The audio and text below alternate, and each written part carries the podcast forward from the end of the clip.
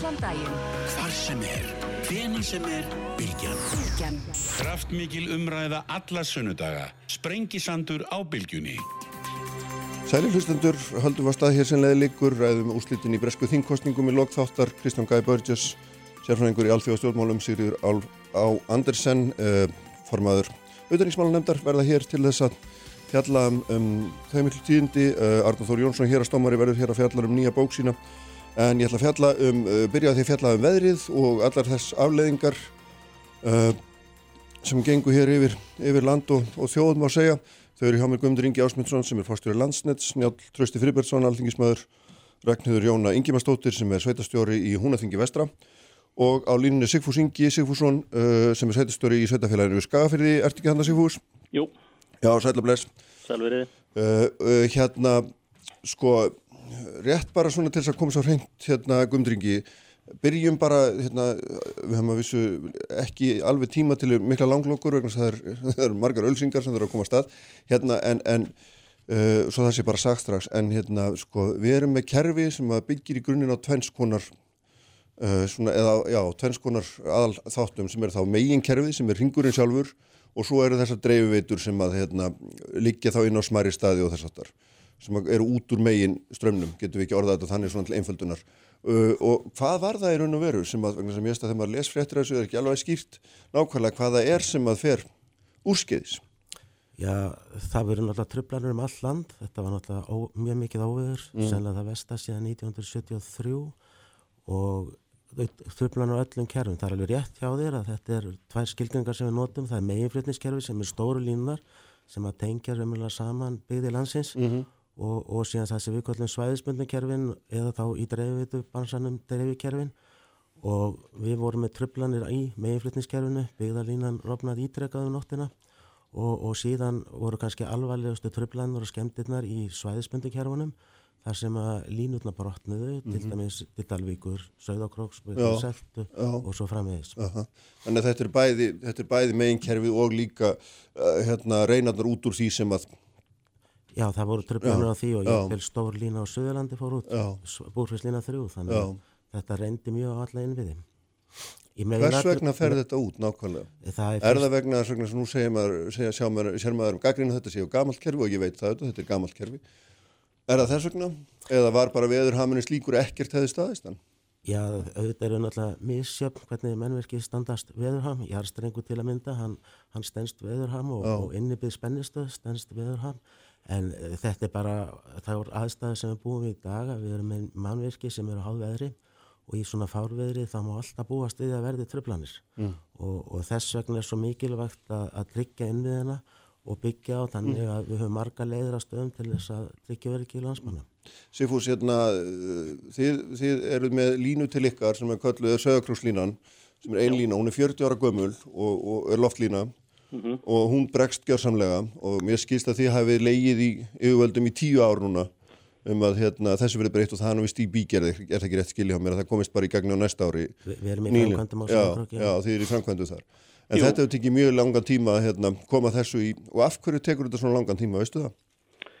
Nei, ég er svo sem áttam ekki alveg á því. Það, þessi lína er ekkert umdelt, sko, sögurkrúslína, setja hann í jörðu og enginn mótmæli borist við, við því, hvorki frá landiðundunni í skiplasverðlinu, þannig að hún hefði nátt að fara í gegn svona tilturlega öðulega mm -hmm. og, og þess má geta framkantir eru hafnar og hún verði komin í gagnið næsta höst eftir því sem ég best veit.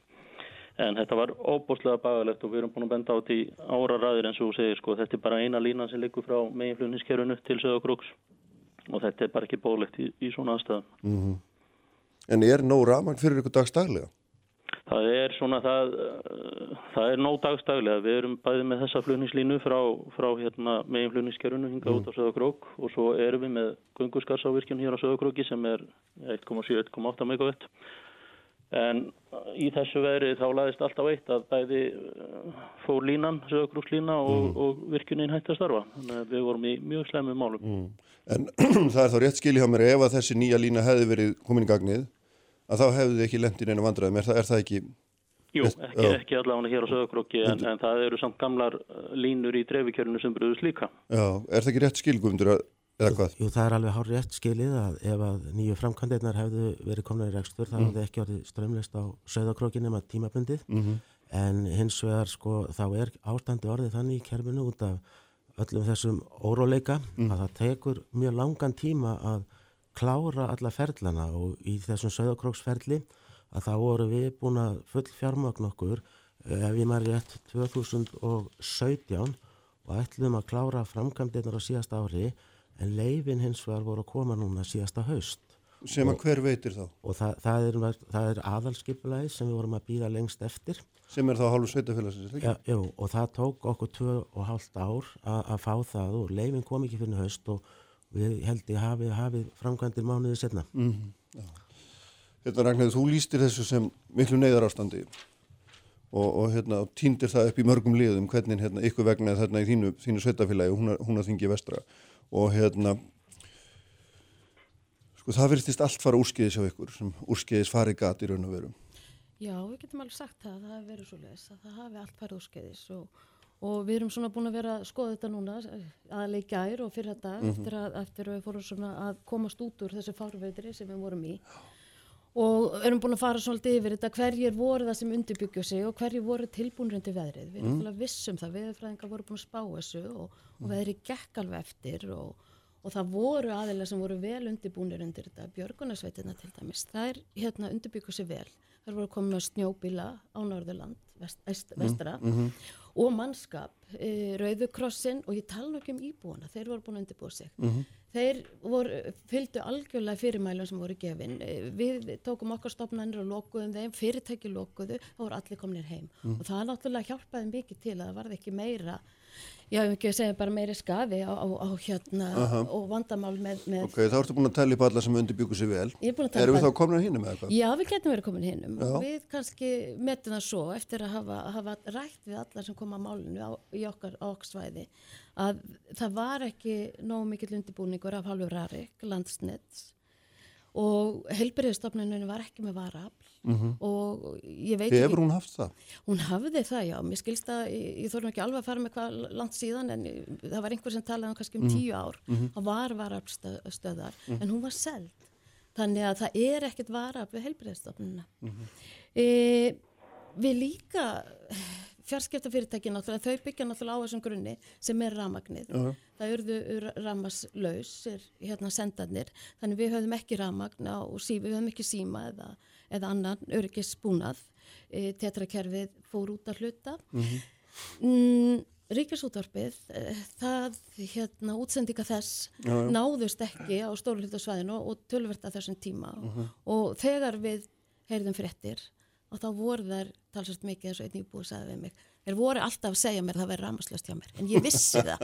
Okkur vantaði Já, upplýsingar Já, um um stöðuna, það, hvað já, gerist þannig að hérna, já, það var allavega Ykkur vantaði ekki almenna fréttir heldur svæðismundar upplýsingar. okkur vantaði ekki hasarfréttir af veðrinu, við vissum hvernig það var, við vissum að það var ramaslust hjá okkur, en okkur vantaði aðrar fréttir. Já, einmitt.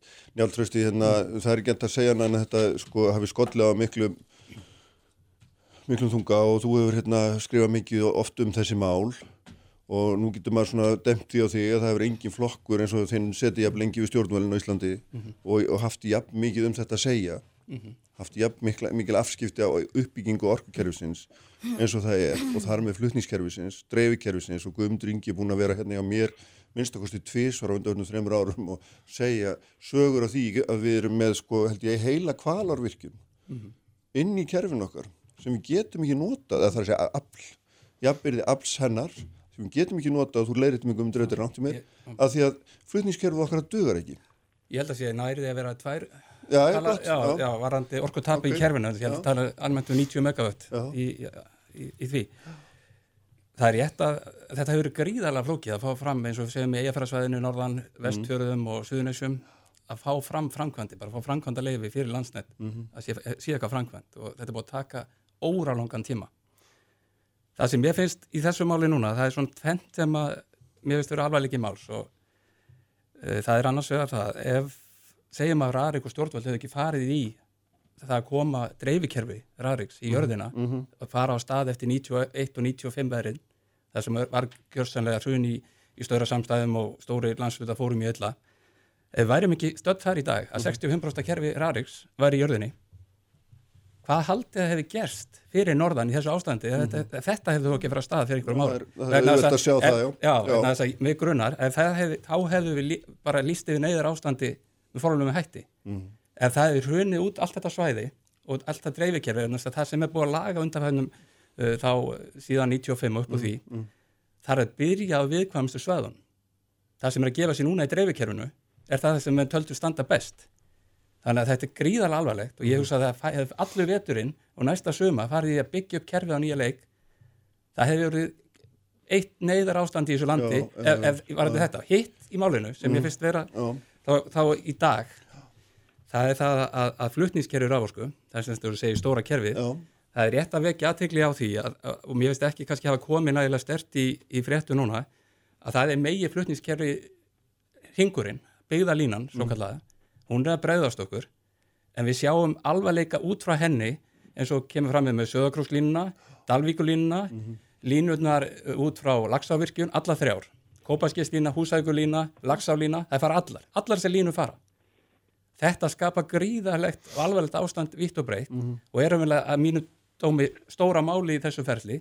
Þess að þetta stóra máli núna það er að fara að byggja, byggja þetta kerfi og tryggja. Húsækulínan er síðan 64.5 Já, þetta, Þetta vitum við allt sem höfum vitið Já. svo lengi, ég meina þetta, þetta er megin stofni tilbyggt 74-82 síndist mér hérna byggðalínan. Já. Við vitum þetta allt saman, það er búið að segja ykkur þessar sögu, þingmannum Já. okkur svo oft Já. og ég er að segja, þú og þinn flokkur, Já. Þið hafi stjórnað þessum málum að langmestu leiti Mhm. og af hverju er ekki ástandi betra? Já, ég er að segja, það er, það er, eitthvað, það er ekki endilega að skjóta mig í þessu máli en því ég er búin að tuða og tuða Já, já, og tuða já, mjög lengi og lengi árið byrja að þingi þegar ég var í sveitstamál fyrir norðan um þessi, hvað þetta er gríðalega stórt og mikilvægt. Benda á það eins og, eins og rangavallalína. Varmalíð og, og söðurliti skagafyrðar, það hafði um það sem við gönnum gamla hundin frá rangavöllum, frá sem stætt Akureyri yfir á, yfir á, yfir á Varmalíð og hjælt á söðurluta skagafyrðar. Vegna þess að línun á byðaleinhingnum frá Laxavatni og að Varmalíð, þær fóru út. Þannig að ég held og ég setti nú inn fyrirspunni í vikunni, bæði sem snúa að afhendingar eru ekki ráfosku, bara strax og þetta kemur upp eitt ástand og síðan varandi uh, fjarskiptin. Það þarf að greina þetta allt, búa til tímalínunar og hvað er það sem við geta byggt upp í kerfinu. Og, og ég held að þetta hljóti, aðtekli kannski hérna á Suðvesturhóðninu, ég held að fólk skinni mig ekki nokkur um hætti. Það ástand sem skapast í norða. Þú veist að við erum öll utan að landi. Já, ég veit, ég veit, en já. ég, þeir, að fólk sem, sagt, sem hefur ekki búið við þetta og séð svona veður og, og, og þetta, hvaða aðstæður skapast Mhm. að, að þegar menn eru búin að ó, so, ekki sofa í þrjás fyrir sólaringa Mhm. að, að reyna að bjarga sem hægt er að bjarga það er gjörsanlega hérna, það er mjög alveg ástand mjög víða Já, og, og eins og ég segi, ef bara ég get ekki hugsað á hugsun Nei. með, með dreifikerur Arik ef það verði ekki verið komið þó í þetta þessum aðeins í dag Mhm.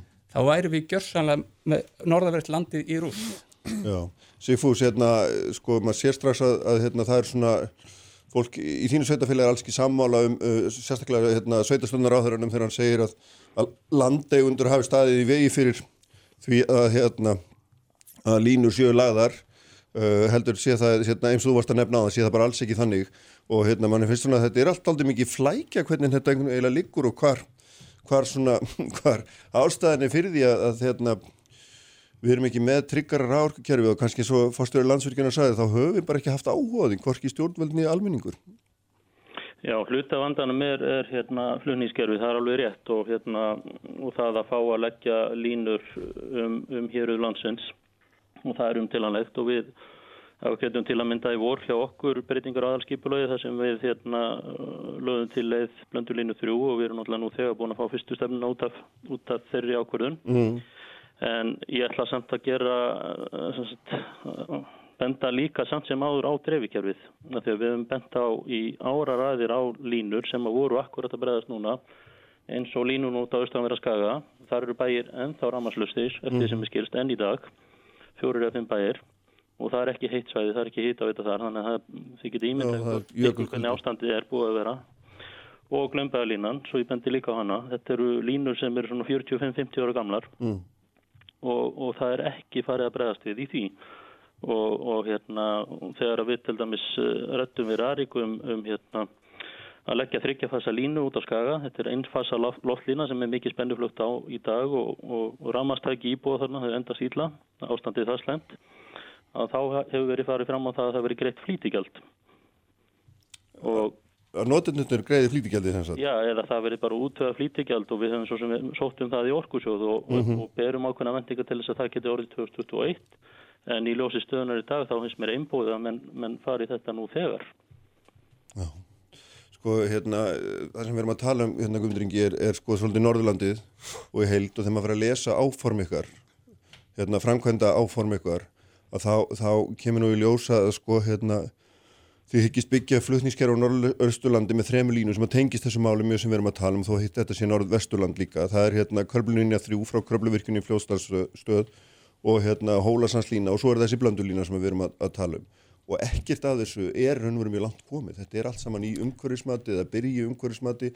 Og mig grunar einhvern veginn að sé búið að vera alltaf lengi þannig. Er og maður tekur eftir því og þú hefur sagt það sjálfur og hörður hefur líka sagt Arnarsson að það er okkur miðar bara ekkert Já, í þessu flutningskerfis, í þessari uppbyggingu. Er, er, er það rétt metið? Eh, Ég held að það sé nú ekki alveg rétt með því að okkur miðar ekkert en okkur miðar bara allt og allt og hátt, allt og hægt fyrir það og ástæðan er svo að, að undirbúinusferðlarnir taka alltaf sífæll lengri tíma og við erum nú sem betur fyrir komin í gang vegna þess að við erum að byggja kröflinu þrjú og þá spennir stöðna þar í kring, semst í kröflu og fljóstalstöð og þá tengjum við Norður og Östurland saman. Já, og við erum núna að býða eftir framkvæmdaleifi fyrir Hólasandslínu 3 sem að dingi þá kröfluvirkjun við Akureyri og það er gríðarlega mikilvægt verkefni, sérstaklega í ljós þeirra tröfluna sem nú var að ganga yfir, þar sem að við byggum við það að Akureyri og Skagafjörðu við vorum raunverulega bara á einni línu frá kröfluvirkjun. Já, og ef hún hefði bilað það var miklu vítakara strömleysi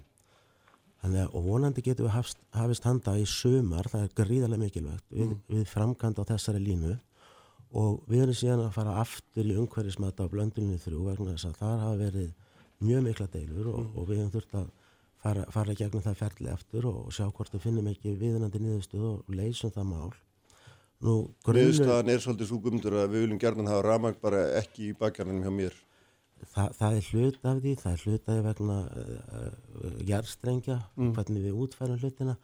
Það, það eru skipta skoðanum mellir sveitafélaga og svo ýmsar svona auðmi sjóna með landegenda. Mm. Þannig að það er ekki hægt að segja að sé eitthvað eitt. Það er líka bara andstæða við að nota orku og hvernig við notum hana eins og fyrir stóru notendur. Þannig að, að þessar umræðir allar eru mjög floknar og, og það er ekkert eitt og, en, það er rosalega mikilvægt fyrir okkur sem þjóð að ná einhverju niðurstöð og samstöð um þetta. Ef við horfum á tröfluna núna sem dæmi, að þá voru allir viðbrasaðalar, all, all orku fyrirtækin, sveitastjórnir, björgunasveitir, myndu samstöðum það leysa verkefnið og reyna að gera það eins best, best og hægt er. Og einhvern veginn þurfum við að ná sjóðarsátt um það að byggja þessa mikilvægu innviði. Mm. Þannig að við verum að hafa í huga að gaggrinni sem við verum að horfa á í dag, hún er vegna krafnana sem er í dag. Þegar við erum að horfa á raforku flutningskerfið, þá þurfum við að horfa á kröfunar eins og verið til 20-30 ár -hmm. sem verða ennþá meiri Já, og ætlum við að fara í skegnu svona óveður með allar ramaspílana strömlösa á Norðurlandi eða svoleiðis sem mm. verður hugsanlega í framtíðinni. Þannig að við verðum að, verðum að hugsa þetta svolítið svona langt, með langtíma sjónamið og, og byggja þetta upp. Hvað, hérna Ragnar, rétt árum við tökum hérna ölsingar sko, nú hlustar þú á alla þessa kerfiskalla. Köllum það bara svo með fullri virðingu?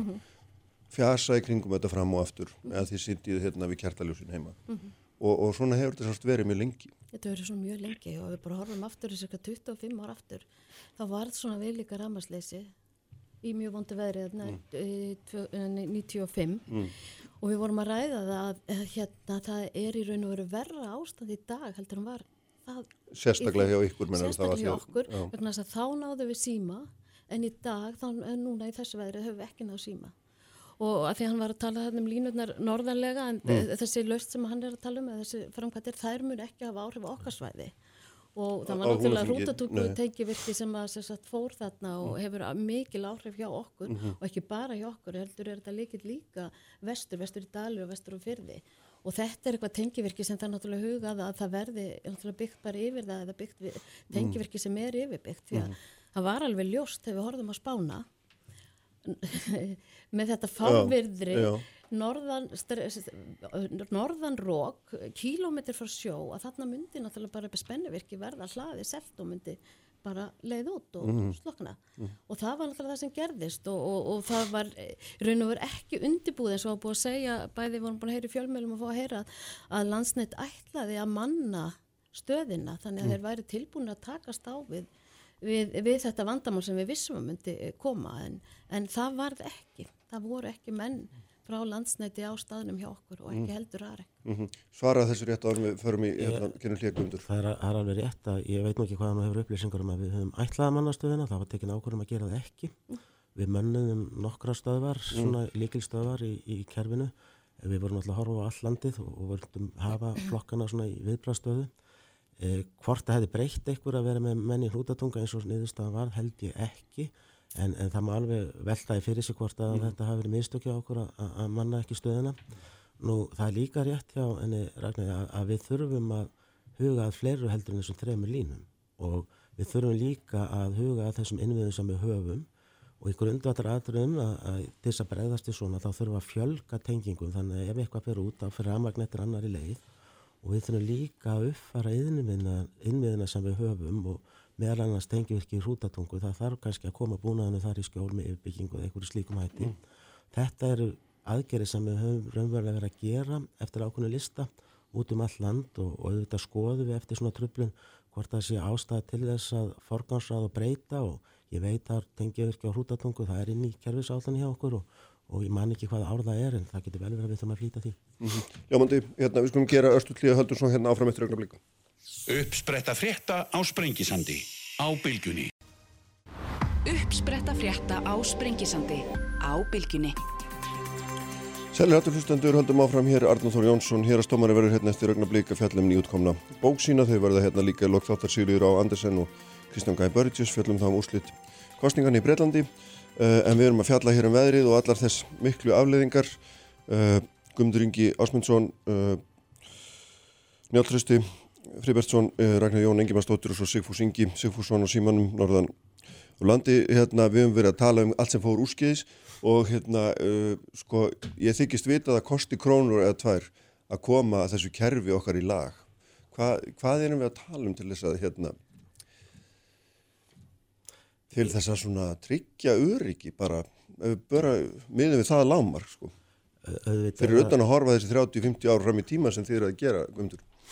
Við erum náttúrulega gefum út okkar kerfisállun mm. þar sem okkar blöðn leikja fyrir og, og það er verið að gera ráð fyrir því að fjárfæstingar okkar á hverju ári séu svona að meðaltari 9-10 miljardar og, og það hefur verið þannig undanferðan ári en við höfum náða fjárfæsta fyrir svona umtabil helmingin að því og það kann vel að vera þegar maður horfir á stöðuna og, og þrýstingin að það þurfa að fara ennraðar í það og auðvitað er þetta Hvað meinir með þessu? Því því þess að áallið fjárfæstingu upp á 10 miljardar en vegna þess að þið fáið ekki leiði þá getið þið ekki nota nema helmingin er, er það, já, það réttur skilningur? Já, það er þannig að, að, að við komumst í um það byrj helmingin að þessum áallum og mikið kannski að stóru fjárfestingunum það færast bara á milli ára með að við erum að býða eftir að komast í mm -hmm. gegnum leiðisferlið og, og það, það er svo staða sem blasa þegar við og, og það er meðal annars þess vegna sem við höfum verið að tala um það að það þurfa að ráðast í úrbóta vegna þess að ákvörðunarfellu og undirbúinsferðli er reynilega allt og flókið mm -hmm. og fyrir því er í raun og veru tvær ástæður, auðvitað grunn ástæðan alla deilunar en, en, en á öðru leiti að þá eru fjöldi, þá, þá er það mjög flókiferðli það þarf að taka ákvarðan á mm. mörgum stöðum og, og þær ákvarðan eru kæranlegar Já. á öllum þessum stöðum En er ekki, ekki kærurnar hafa náttúrulega fyrst og fremst núið aðeins stóru, því sem tengir stóru yðun ekki að ekki að heima hérna, verkefnunum ef maður má kalla það þannig er það ekki rétt skiljum Mik miklu meira og, og línu framkvæmdunum ekki endilega spennistöðunum mm -hmm. og, og það, það er, og, og það, það, er, það er stóru fjárhæði sem við erum að færa á milli. Hinn ástæðan sem er ekkert síður og það er það að regluverki sem við erum að vinna eftir er mjög óskýrt og flókið og það er gríðarlega vinna orðin fyrir okkur að gera það greina að gera það skýrslugjör og rannsóknir mm. sem þarf til dæmi til þess að koma eftir gegnum umhverfismat, ganga frá skipilasmálum og svo framvegis og í þessu kæru umhverfu öllu þá hefur bara þessi óskýrileiki valdi því að kerfið hægir allt á sér og, og það á bæði við stóru framkvæmdirnar og, og einhverjum eitthvað mm. litlu framkvæmdirnar líka mm -hmm, mm -hmm. Og, og þetta er það ástand sem við búum við og við hefum verið að tala fyrir því að það þurfa einfall þetta setja þetta í eitt, fer, eitt ferli uh, í raun og veru þar sem við erum að fara yfir mörg sveitafjölu með miklu, miklu, miklu flækistígi taka eina ákverðun sem eh, sem, sagt, sem, sem er þá hugsanlega kæranleg og, og, og, og, og hérna og, og hérna og reyn, reyna að gera þetta þannig, að, þa- þannig að þetta verði skilvirkara. Já. og við erum raunverulega bara að horfa á hvernig menn er að gera þetta erlendis þar sem að sambarleg vandamál hafa verið og, og, og stjórnvöld þar og, og, og stofnanir hafa farið í það að, að gera hlutina skilvirkari. Þetta eru bara fyrirmyndir sem við erum að sjá og er að virka annars þar. Sigfús, það er sko bara örstuð frá þér um þetta vegna þess að þið eru auðvitað með þessa blöndu línu þrjú í gegnum skagafjörðin, hún á ekki að snert ykkur með einum hættu öðrum sinna að liggja bara þertu í fjörðin og það er mikil óanaði með það til dæmis og hefur verið hjá ykkur. Já, við gerum nú þá gröf að það verði tenging inn í skagafjörð því að við þurfum náttúrulega að Já. tekja full, fullnæðandi afhendingar orku inn í, hérna, inn í fjörðin líka. En mér langar að koma aðeins inn á annan Já. þátt sem er hérna frasi sem að þú þekki vel í, sem var mikið nefndur í aðrænta síðustu kostninga sem var uppbyggingin við það. Já, og rafmagnið er eitt í því. En að því ég satt nú sjálfur í, í rafmagnsleysi í rúma tvo sólarhinga á mínu heimili þá, þá brást fannst mér eiginlega allt annað líka. Uh, við getum nefnt fjarskipti bara símasamband, GSM-samband það var uh, algjörlega óbóðlegt og örgisþátturinn sem á að vera hjá RÚF hann brást líka, dreifikir RÚF lá bara víða niðri. Og, og hérna rást höfðat út til að mynda á mínu heimili og rásett flutti mjög mikið af enduteknu efni og kvöldin allavega. Þannig að það voru litlar uppsinga þaðan. Já, og svo það, það sem var kannski alvarlegast það var að þetta öryggiskerfi tetrakerfi lauruglu slökkuleðsins og annara viðbræðsæðala það datt út hér hjá okkur. Já, við vorum með sendi hérna upp í tindastóli í 7-800 metra hæð og þurftum að koma þar á hérna á ólíu á, á hérna varafl og þar bara lág við manntjóni menn töpuðu sér í guðvilsveðri mm, og mér finnst að rafmagnið er eitt og það þarf vissulega að gera stór átak í því og algjörlega en það er, það er svo miklu meira sem brást í þessu, þessu óveri já. núna. En rafmagn er náttúrulega undirstaða alls hins, er Rafmagnið það er ekki? undirstaðan og það er megin þátturinn en Já. það er fleira sem þarf að Já, huga já, líka. já, já, nákvæmlega, nákvæmlega og svo náttúrulega sjáum við líka hvað við erum orðin háð rafmagni að samfélag sem ekki hefur rafmagn það þetta bara stöðvast, bara algjörlega frá að til lögum. Já, og það er það bæði flutnings- og dreifikeri sem þarf að gera stór átak í. Já, Hva, hvað sérðu fyrir þér í þessu njáltrösti? Hérna, það er hérna í stefnu sáttmála ríkistjórnarinnar er talað um að fyrst og fremst að nýta betur þá orku sem við höfum en ekki að leggja út í að afla nýrar. Ég held að það sé svona megin línan í stjórnarsáttmálum ef ég manna rétt. Já, það, þetta er náttúrulega í stjórnarsáttmála og kannski til að fólk átti svo stærðunum þá er kröflunina þrjú framkvæmt upp á 8 miljardar millir fljóstastöðar og kröflu. Mm og það er annað eins cirka hólasanslínan þrjú til akkur er að frá kröflu um 8 miljardar og vantarlega þessu 100 ki- 110 km þeirri eh, línu er þið svipuð. Þannig að við erum að tala um þessu kannski 24-5 miljardar svo fólk átti sig á sér stærðum fyrir norðan. Þetta eru mjög miklu eru peningar. miklu peningar.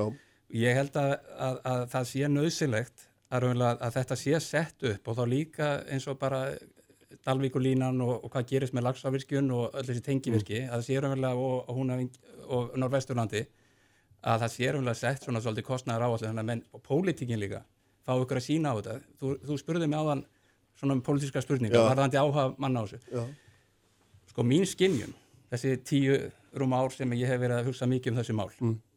að áhugin bæði hjá í pólitík og almenningi almennt sko, og meiri sem fyrir norðan, er ekki sérstaklega mikið á þessum málum. Það bregst náttúrulega núna út þegar að hérna, fólk átta sig á þessu alvarleg staðan er. En almennt í umræðu er hann frekar takmarkandi í almennt í umræðu. Ég er vona að pólitíkin og bara landsmenn almennt vakni upp þegar svona ástand skapast. Þetta er, þetta er nefnilega grundvallar eða grunnkerfi samfélagsins okkar er raforkan. Vi, við erum búin að sjá eins og Sigfúsur kom með fjarskiptin. Ég var mjög ósattur í flugumfærastjóri og við, við erum líka tengdi tetra í gegnum það, það system að sjá það hrinja svona í, á ákveðnum svæðum og, og, og ég kom með þessu fyrirspunni. Ég vil fá svona greiningar á þessu öllu og varafli og, og, og hvernig við erum að byggja grunn innviðina varandi öryggismálin í fjarskiptunum. Uh, Hlutverk rúf, það er nú eitt sem ég hefði nú mikið áhuga að fá að sjá núna eftir allt þetta mál. Það er nú talin helsta stóðin á bakvið rúf, mm -hmm. síðan þetta öryggishlutverk. Nú þarf að greina Einu það sinni svolítið- það, já, já. Einu sinni var það, ég er að segja það, það er það sem ég er að- segja. Hva, hvernig það hlutverk kom inn í þetta. Einni vil ég fá kostnæður áallan yfir umlega þessar 66 kV línur alla sem ég var að minnast á þann, bara hvað kostar þetta? Hvað þarf samfélagi að fara í varðandi í, í þingaðisíslum og, og út á Dalvík? Það eru fjöðust manns í Dalvíkubíð og Fjallabíð sem lenda þarna bara í hörmölu ástandi. Mm -hmm. Það kólnar í húsum og, og menn vita ekkert hvað er að gera til kringu sig. Í umstalsverðan tíma. Það, það er gríðalug mannfjöldi og ég held að fólk þetta er bara eins og hérna seltjarnesi En þangað er ekki hægt hérna. að koma ramagni eftir því sem ég skilst. Þó svo að línan geti tekið meira vegna þess að það er ekki hægt að flýta ramagni norður til þess að tengja inn á dalvíkulinu, er þetta ekki rétt ja, það, það, það er nú vantalega frá kröplu Já, það, í, í, sko, það er náttúrulega nóg rafmagnin og akureyri núna í dag þannig að ef að lína mér er virk þá myndum við koma þá myndum við koma það blöður já, já, já, ok. Hérna, en sko Ragnir, hvað er svona frá þínum bæðirum hvað þarf að gerast Hva, hver eru skilabóð eitthvað sveitastjórnamanna til vegna nú eru þín alltaf líka með skiplasvöld og það eru víða staðið á sveitastjórnum að samþykja nöðsilega framkvæmdir. Þeir hafa viljað hafa þetta í jörð þar sem aðri hafa viljað hafa loft og, og fara einhverja leið og fá möguleika mörgum leiðum og, og það er alls konar kröfur. Já, það er alveg rétt, það eru alls konar kröfur en ég held að hafa ekki staðið á, á hérna, sveitafélögunum varðandi það að setja línur í, í jörð ég held að sérst að tala meira að vísa meira til bygglínunar sem eru loftlínur, loftlínur. en uh, þetta sem að njáttlega segja jarðalínur eru miklu, miklu dýrar og það eru þetta staði vegi. Það er staði vegi, já, en þetta sem við svo njáttlega tala um, við erum náttúrulega að tala um til lengri tíma en, en ég held að við erum líka að gera okkur grein fyrir því við getum fengið við svona veður bara eftir viku tíu daga. Og þá er það hvað getum við bröðist við núna nákvæmlega núna mm -hmm. fyrir það aðstæður sem við vorum í Og, og það er náttúrulega til dæmis eins og hjá okkur í húnaþingi vestara þá er náttúrulega bara skilir það það sé vara aflstöð í sveitafélaginu það sé vara aflstöð á staðnum e, hjá, Hvers er það að koma hennu? E, það var vara aflstöð hjá Rarik mm.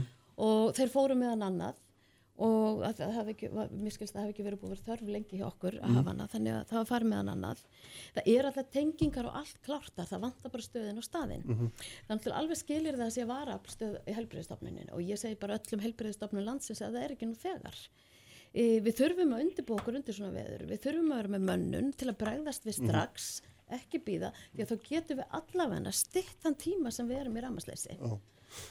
Og hérna við þurfum líka bara að hafa starfstöð á kvamstanga, nú er Rarik með eitt starfsmannar mm -hmm. og sá starfsmæður er ekki vinnuflokki því hann má ekki vera einnig vinnuflokki. Og raun og verð þær aðstæð sem skapast þarna mm í, vikunni þar sem þessi eini maður sem er ekki notabenni vinnuflokki hann þarf að fara inn í hrútatungu í ja, farviðri. Mm. snjóbill fer með hann á stað, einn maður sem að má í raun og verð ekki vinni tengjörkjuna því hann reyð snjóbillin fer með hann Hann er fjóra tíma frá kvamstanga út af aflegjara sem eru 6 kilometrar. Hann er nýju tíma inn í hrútatungu mm -hmm. og þá er hann búin að velta tviðsvara leðinni.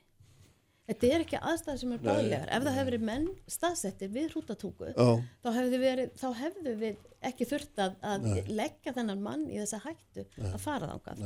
Þannig að þetta er svona atrið sem við getum bara gert strax oh. og það er bara mjög mikilvægt að það sé gert. Mm -hmm. En þessi, þetta, þessi öll þessi um, umræða um næstu ár er líka mm. mikilvæg og við þurfum að flýta okkar maðurgerðum, það er alveg klárt mm -hmm. Guðmundur, þú ert að hlaupa síðustu hérna. Kannski að þessi bregðast Já. við þessu, þetta tekur langan tíma að byggja upp flutniskerfið mm. og okkur það mun taka mörg ár.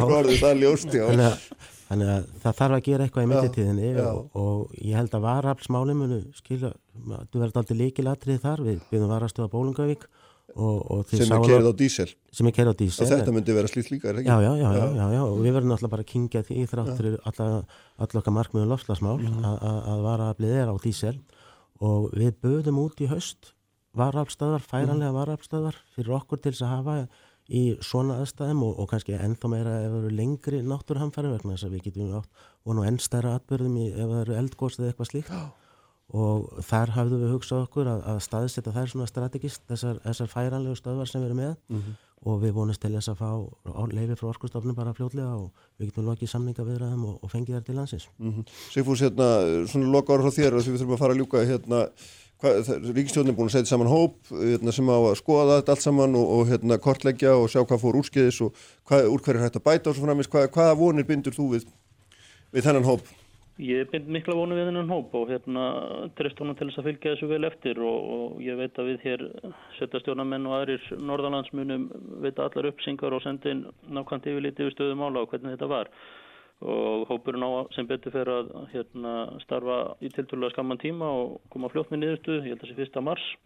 En það, það er óbóslega margt sem þarf að ná þar til og, og það er nöðsynlegt að setja auki fjármagn í framkvæmdir á, á svo mörgum sviðum. Mm -hmm bæði dreifikerfi, flunningskerfi og líka þessa, þessa almennu innviði. Að- þannig að við höfum brúðist á öllum sviðum að þínum mati. Já og í raun og veru sko, það hefur líka komið svolítið í ljós núna finnst mér í þessu, þessu veðri að hérna ef við tökum sem dæmi hér Rarik hér í Skagafyrði og, og ég ætla nú að hrósa því fólki sem er starfandi hér, það var alveg gríðalegt trekkvirki en samt sem aður öll vinnan hún lá á, á, að meginstofni til á sex einstaklingum. Það er búið að skera mikið niður í mannskap hér og, og það er ekki hægt að kera á svona fáum einstaklingum sólarhingum saman. Og þetta erum við að sjá á mörgum sviðum. Það er verið að draga saman og skera niður og þetta er ekki hægt til lengdar Það er svona verið að skera niður í þeirri vonum að það fara aldrei neitt úrskeiðis. Það er nú svolítið það sem að, Já, en svo gerist þetta Já, en já. til, til að mynda viðbrasaðalar eins og björgunarsveitir, þau sendu fólk það kom rauð viður Já, já. og, og það, var, það var sendu mannskapur Norður í land já, já. en ekki hjá Rarik En það er líka alltaf merkilegt svona þegar hún efnir þetta sko að fólki í björgunarsveitunum og rauðakrossinum og á fleiri stöðum, þetta er alltaf allt sjálfbúðaliðar. Og það er náttúrulega, hérna, sko, all, allt okkar starf veltur á sjálfbúðaliðum. Allt okkar öryggi veltur bara á sjálfbúðaliðum. Já, Þú veist, ef þeir mæti ekki þá bara er allt í höng. já, sem er nú það svona, sem er hinn hlýðin á þessari sögu sko, þó við getum ekki rætt hana núna, við þurfum að fara að ljúka henni á trösti hérna, peninga, peninga, peninga myndi einhver segja, Já, en já. betri nýting á orkunni, við hö, eigum fullt af orku sem við getum Já. Mhm. notað, við þurfum að laga flutningskerfin, það er augljóst. Já, hérna það er nokk, bara Já. ég glemd að minnast á þetta með rarið dæmið, Já, áallega núna til 2035, ég vil klára þetta 5-6 ára nú. Það verður bara farið í átak og með bara kostnaði með þetta 20 ára áætlun verður gerð í- Já, þessi 15 ára áallin Já. sem er á þriði áfangin og klára ræðsvegmi, Mm. þetta klárust bara 5-6 ára. Ég held að það hljóta að vera skilningu núna því að með fara hratt og og það, það ertu að tala um að setja alla í rarekstrengin í jörð. Já, það. Já, já. Og, og hérna, ég vil hins að rósa viðfræðingum viðstofunni. Mm. Þetta mál með þessar óveðuslagðir, þetta var allt komið fram á föstu í lögudænum og þessar spár gengu fullkomlega eftir, nánast upp á klukkutíma. Þannig að það var mjög fróðulegt að fylgjast með því.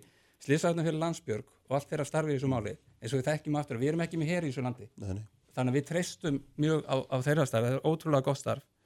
En þetta endar eiginlega nákvæmlega sama atriði Mm. og við rættum hérna Kristján fyrir tveim vikum þegar við ræðum flugmálin þá endaði ég nákvæmlega held ég á þessum punkti og mér myndist akkurat á Já. var þetta það sem síðan er kallað ríksinteresse þannig að, að við tryggjum ákveðna þjóðaröryggis innviði í, í lögum frá alþingi þar sem að ríki verið að vera ákveðna hagsmunni í, í lögum Mm. og ég held ég að akkurat minnst á því viðtali þar var meðal flutningskerfi raforku, fyrir tveim vikum í þessum þætti Þú er ekki að fara með að- Nei, en þannig að, að hérna, þetta þykir mér þá líka áhugavert og Já. Að, reyna að fá þetta þess umræðum betur inn í þingi það hafa ég held að hafi nú verið að tengja teikskó við þjóður Já, ekki þá. ég gerði það líka, Já, gerði það líka vegina, flutniskerri raforku já. flugvöllin og virkjanir og helstu grunn Já, innvið samfélagsins nákvæmlega svíjarnir og En norðmenn og fleiri að gera Ertu til í að setja allt sem þarf í þetta? Þess að Þetta eru líka spurningum stórkostlega fjármunni sem þarf að taka ákvörðunum að nota í þetta.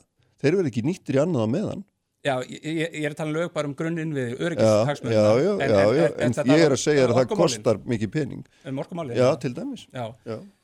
Og allt Sko, þetta sem þú ert að nefna. Ef Íslands samfélag Mm. er ekki tilbúið að setja fjármögni í raforku Mhm. eða, og dreifingu hennar að við tryggjum dreifinguna til almennings í landinu Já.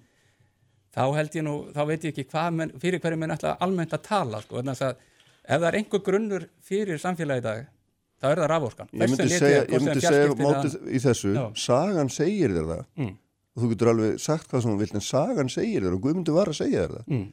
Það er ekki, við erum ekki tilbúin til þess. Það er það sem sagan segir. Já, það, það, það, það tengis nú kannski því sem að segja varandi löggjöfina Mm. og þessa grunninnviði að við tryggjum grunn öryggis hagsmunni landsins og ef það myndi gerast þá Mm. erum við komið miklu lengra í þessu ferli heldur við erum í dag við erum Íslendingar 30-40 árum á eftir öðrum Evrópulöndum, Norðurlandaþjóðunum í þessum málum að tryggja með löggjöf öryggis hagsmunni samfélagana þar er raforka grundvallar atriði ef það er ráðast inn í land hvað, hvað, hvað er það sem þú gerir? Þú lama raforkuinviðina og fjarskiptin. Þetta eru grunn hagsmunir grunn innviði hvers samfélags. Ragnir, Já. Nú þurfum við að ljúka. Bindur mikla vonið við hann hóp, eða heldur þetta verði bara ennitt hópurinn, þessi rí- Nei, nýri ég, bind, mikla voni við hann Já. og ég veit að við munum leggja okkar að mörgum til þess að með upplýsingar inn í innan hóp og tillögur og ég held að hérna svona miða við það sem við fengum á fundinum með ráðherrunum að það er upplýsingar sem það er að þá myndi ég binda vonir við hann. En ég vil nú bara ljúka með Já. því að segja hverju eru hetjurnar. Það eru björgunarsveitir, það er alveg klárlega. Ég tók á móti hóp eftir hóp. Það komu um leið og þær skiptu út, það voru hóp, ég var með hóp frá höfborgarsvæðinu, Snæfellsnesi, Dölónum, Borgafyrði. Þetta voru tugir manna sem að, sko, voru hjá okkur sko dögum saman og upp í vikur. Sko. Þannig að þetta eru hetjurnar og st- starfsfólk á innmenningsstöðunum, mm. vegagerðin, ræðrik og allir, allt þetta fáa starfsfólk sem við höfum út á landi til þess að bregðast þessum aðstæðum. Já, Það eru nákvæmlega. Heyrðum, þakka ykkur öllum fyrir að hérna, vera með. Njáltrösti og Ragnarður Jóna og Sigfús Ingi. Þú ert þarna þá, takk fyrir að vera með okkur og hérna Guðmundur Ingi Ásmundsson, fórstjóri landsnett líka. Haldum áfrandi eftir augnablik með Arnari Þóri Jónssoni hér að stómara. Fréttir þjóðmál og pólitík. Sprengisandur á bylgjunni. Sprengisandur á bylgjunni.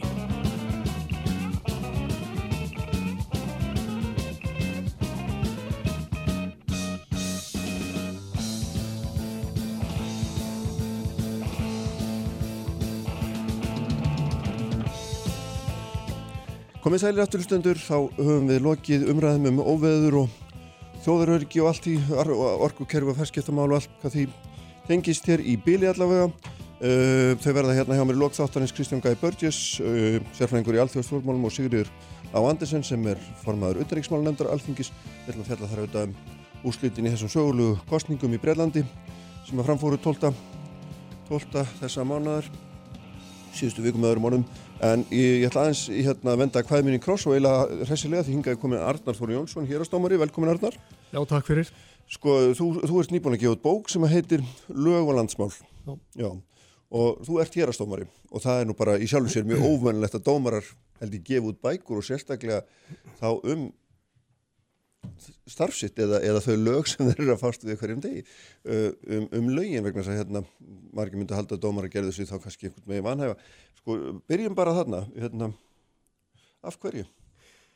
Já, ég er búin að vera að kenna lögfræði mörg ár. Mm. Ég hef unnið sinna lögmaður, ég hef unnið í stjórnsýslunni og nú er ég dómari og ég til að ég ljósi bara mentuna minnar og starfseinslu haf ég mögulega eitthvað fram að færa til umræðu um lögin og uh, ég skrifaði þetta sko ekki sem eitthvað skonar tækni bálk heldur á almennu nótum vegna þess að umræðum lög hún á ekki að renna bara í tæknilegum farfi. Mm Hérna, við þurfum að ákveða hvert við viljum fara og síðan þegar við erum búin að ákveða stefnuna á grundvelli svona heimsbyggilegra pólitíska, pólitískra samfélagslegra og jafnvel siðfræðilegra sjónamiða, þá getum við farið að ræðum þetta tæknilega Mhm. og mér hefur þótt að umræðum lög og lögfræði sé á Íslandi allt og mikið uh, í þessum tæknilega farfi þannig að ég vildi svona leggja fram þetta Mm. uh, og ef þetta hjálpar einhverjum þá er ég bara ánaður Já, það er náttúrulega vekur sérstakka aðtegli fyrir það fyrsta að það er, ég held svona, ég ljúið ekki, það er ekki einasta skamstöfun með hérna önnur greini þrýðu megin greinar fjóruða töluliðar frá 1976 þar sem að gerir mann alltaf frá hérna frá hverfan lögfræðiteksta. Það er held ég bara ekki einasta svona tilvitnin í þessari bók sem er nú bara í stór merskildi sjálfu sér. Getum Já. að skrifa um lögfræðin á þess að vitni lög? heldur betur vegna þess að lögin eru sprottin þau eru sprottin af sko margskona rótum og þá er það ekki síst eh, að nefna bara þessar uh, samfélagslegu rætur Mhm. Sem að, sem að uh, hérna þurfa að koma saman og vaksa upp í eitthvað sem við getum kallað heilbriða sagt uh, jurt eða plöntu eða hvaða orð við viljum notum það Mhm. og líðræðið er okkar leið til þess að ná saman ólíku sjónamöðum og uh, tjáningafrelsið er vendað í stjórnarskráni og við veitum að þannig að dómarar við megum ekki tjá okkur, það er ákveð mörg fyrir því hvað við megum segja. Mm. Uh, ég held að ég hef ekki yfist í neyn mörg í þessum efnum og ég tel að tjáningafrelsi eigi að njóta af avans. Ég held líka, ég, ég tala mikið um frjálslindi í þessari bók og, og ég vil segja það að fyrst ég fæ nú tækifæri til þess hér að, að uh, frjálslindi gengur út á mjög margt og eitt af því sem að frjálslindi gengur út á er að við leggjum ekki allt út á verstaveg sem fólk segir. mhm, Við vinnum út frá því að menn njóti vafans í lengstu lög. En margt af því sem er að engjana svona pólitíska umræði í dag gengur þvertamóti í hináttina. mhm. Það er til dæmis mjög háskalegt fyrir menn í pólitískri umræði og umræðum lög að, ætla að fara að nota einhvers konar myndlíkingar á slíkt sko vegna þess að þá vilja sumir hanga á því á bókstafnum og segja að, að hann sé ekki að nota myndlíkingu heldur að sé að nota þetta í bókstafleiri merkingu. Uh -huh. að þetta er þannig að við þurfum að, við þurfum að halda bara þessar umræðu lifandi að mínum dómi. Hefur þið fundið svona, hvað maður að segja, að umræða um lög væri orðin einhvern veginn svona eins og nefnir tæknilega hún væri einhvern veginn komin í ströym sem væri bara utan og ofan við samfélagi eða bara alls ekki þáttakandi og til að færa hann einhvern veginn Já, aftur ég, inn í það eða hvað? Ég, ég, eins og ég sá hann, ég vann í mörg ári í háskólaumkörfinu og eitt, eitt af því sem ég sá og fór að tröfla mig eftir því sem áleið er að mér finnst að háskólarnir séu allt og hikandi við að blanda sér í svona e, þau mál sem að brenna á fólki e, það eru þetta gömulsáan í að háskólarnir og, og það sem gert er í háskólanum á það til að einagurast í einhvers konar fílabeinsturnum mm. og þegar það gerist í tilviki lögfræðinar er það ekki holdt sko vegna þess að það sem er að gerast í stjórnmálónum og í umhverfismálónum og rávorkumálónum og svona það þarnast oft sko málefnarlegs innlegs og sem er ekki bara stráng fræðilegt mm -hmm. heldur jáfnvel eitthvað meira sko, sem menn tala út frá bara sín eigin domgrind og, og menn ekkert að vera hrætti við að lýsa svona afstöðu sinni til hérna lagana, það mm. þarf ekkert endilega að rýra í fræðilega framlag mm -hmm. Þannig að maður getur lagt siðferðilegt mat á laugin jafnfram því að hérna að skoða þau með svona, hvað maður segja, svona strangfræðilegum hætti Sko, hérna, takk fyrir þessa spurningu, við verðum að mm. leggja síðfræðilegt mat á lögin vegna þess að þegar það gerist og það hefur því miður gerst, það hefur gerst í, á æfiskeiði margra sem að nú eru levandi að menn hætta að skoða lögin í síðfræðilegu tilliti mm -hmm. og þá, hvað gerist þá? Þá verða lögin bara að uh, valdatæki, þau verða að bara nokkus konar kilvu sem að þjóðinni síðan bara barinn með í höfuðið.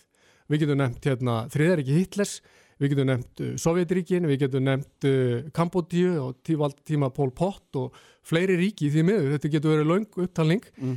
Uh, ef að þetta samhengi er slitið, þá erum við að, byggja, að bjóða upp á stórslis mm -hmm. og valdbeitingu sem er ógæðfæld og hættuleg.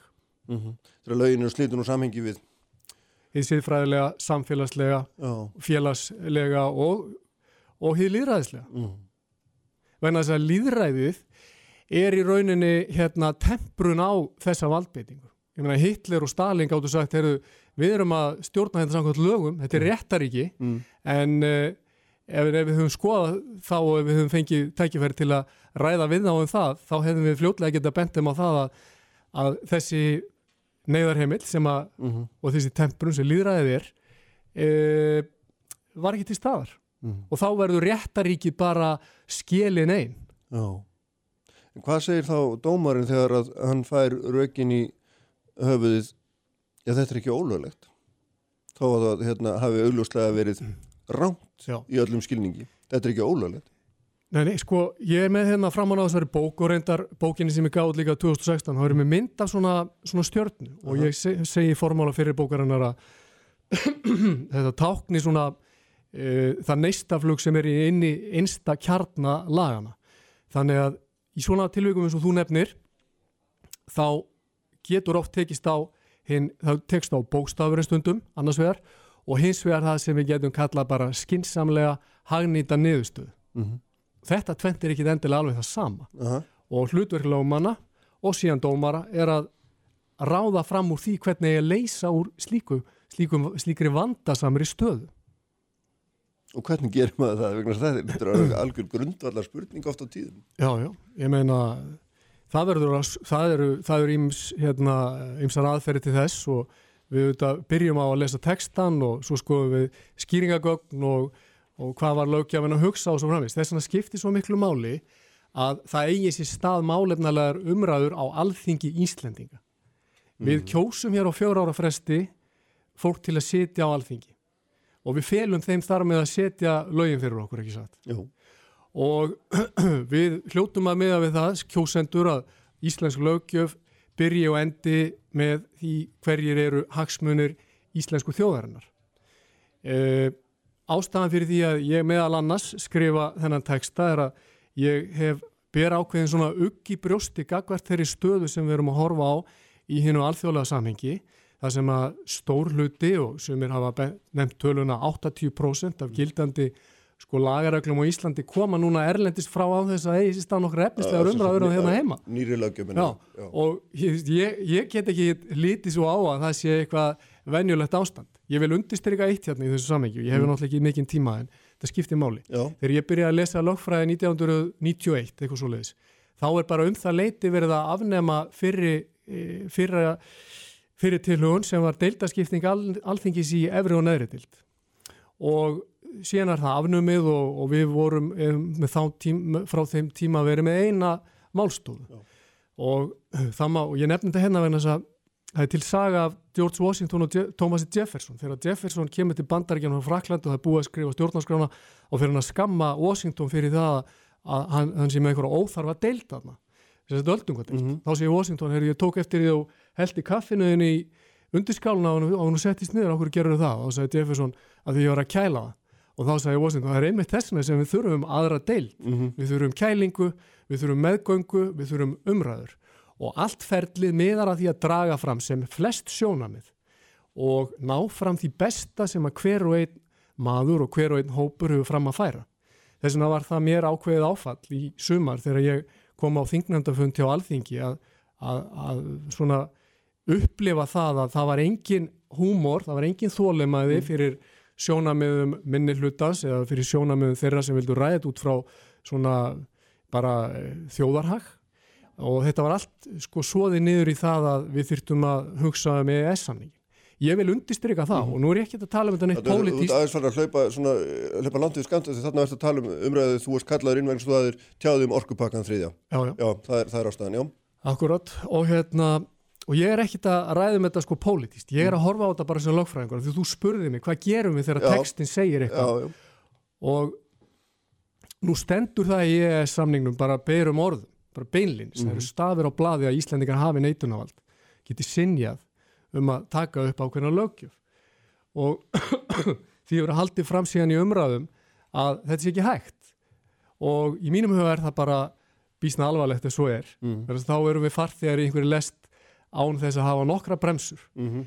en ég vil og, og svona fyrir mér á akti að fá þingheim til að hugsa þetta mála þess vegna þess að við þekkjum þessa sögu frá fyrir tíð og þú ert að vísa til einnar hliðar hennar og ég get vísa til annar og það var umræðan um sinjunum allt fórsetta mm -hmm. varandi 2070 grein stjórnarskrárunar þess að maður geti sinjað um hérna, staðfestingu á lögjöf og þá sögum en þetta er ekki hægt, þetta er bara svona upp á punkt Sigur Lindar sagði 2004 eru upphafspunktur allar lögfræðilegar greiningar er að horfa á textan mhm. -huh. og það er bara nákvæmlega það sem ég er að koma ég er ekki að segja, ég er ekki að segja þetta neitt pólitíst, ég er bara að horfa á þessu lögfræðingur uh, stafir á bladi, í stjórnarskrá í mikilvægum alþjóðlegum samningum eins og EES samningnum skipta miklu máli og það lítur að vera upphafspunkturinn uh -huh. við ljótum að þurfa að vinna út frá því og svo, svo er það bara áhugavert og svo kemur hinn pólitíska tólkun á textanum ekki satt. Jú, jú, og þá missur þú tökina og vegna þess að, að texti er aldrei einhamur sko það er hægt að horfa á hann frá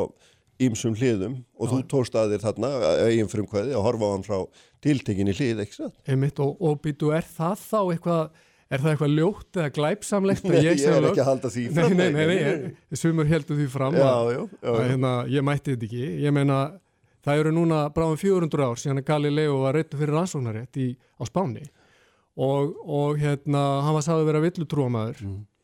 og nú er búið að klaga mig til landsetta fyrir að hafa tekið þátt í þessar umræðum þriði orkupakkan getur verið að, að við séum svona getum fundið einhver mögulega samsvörun?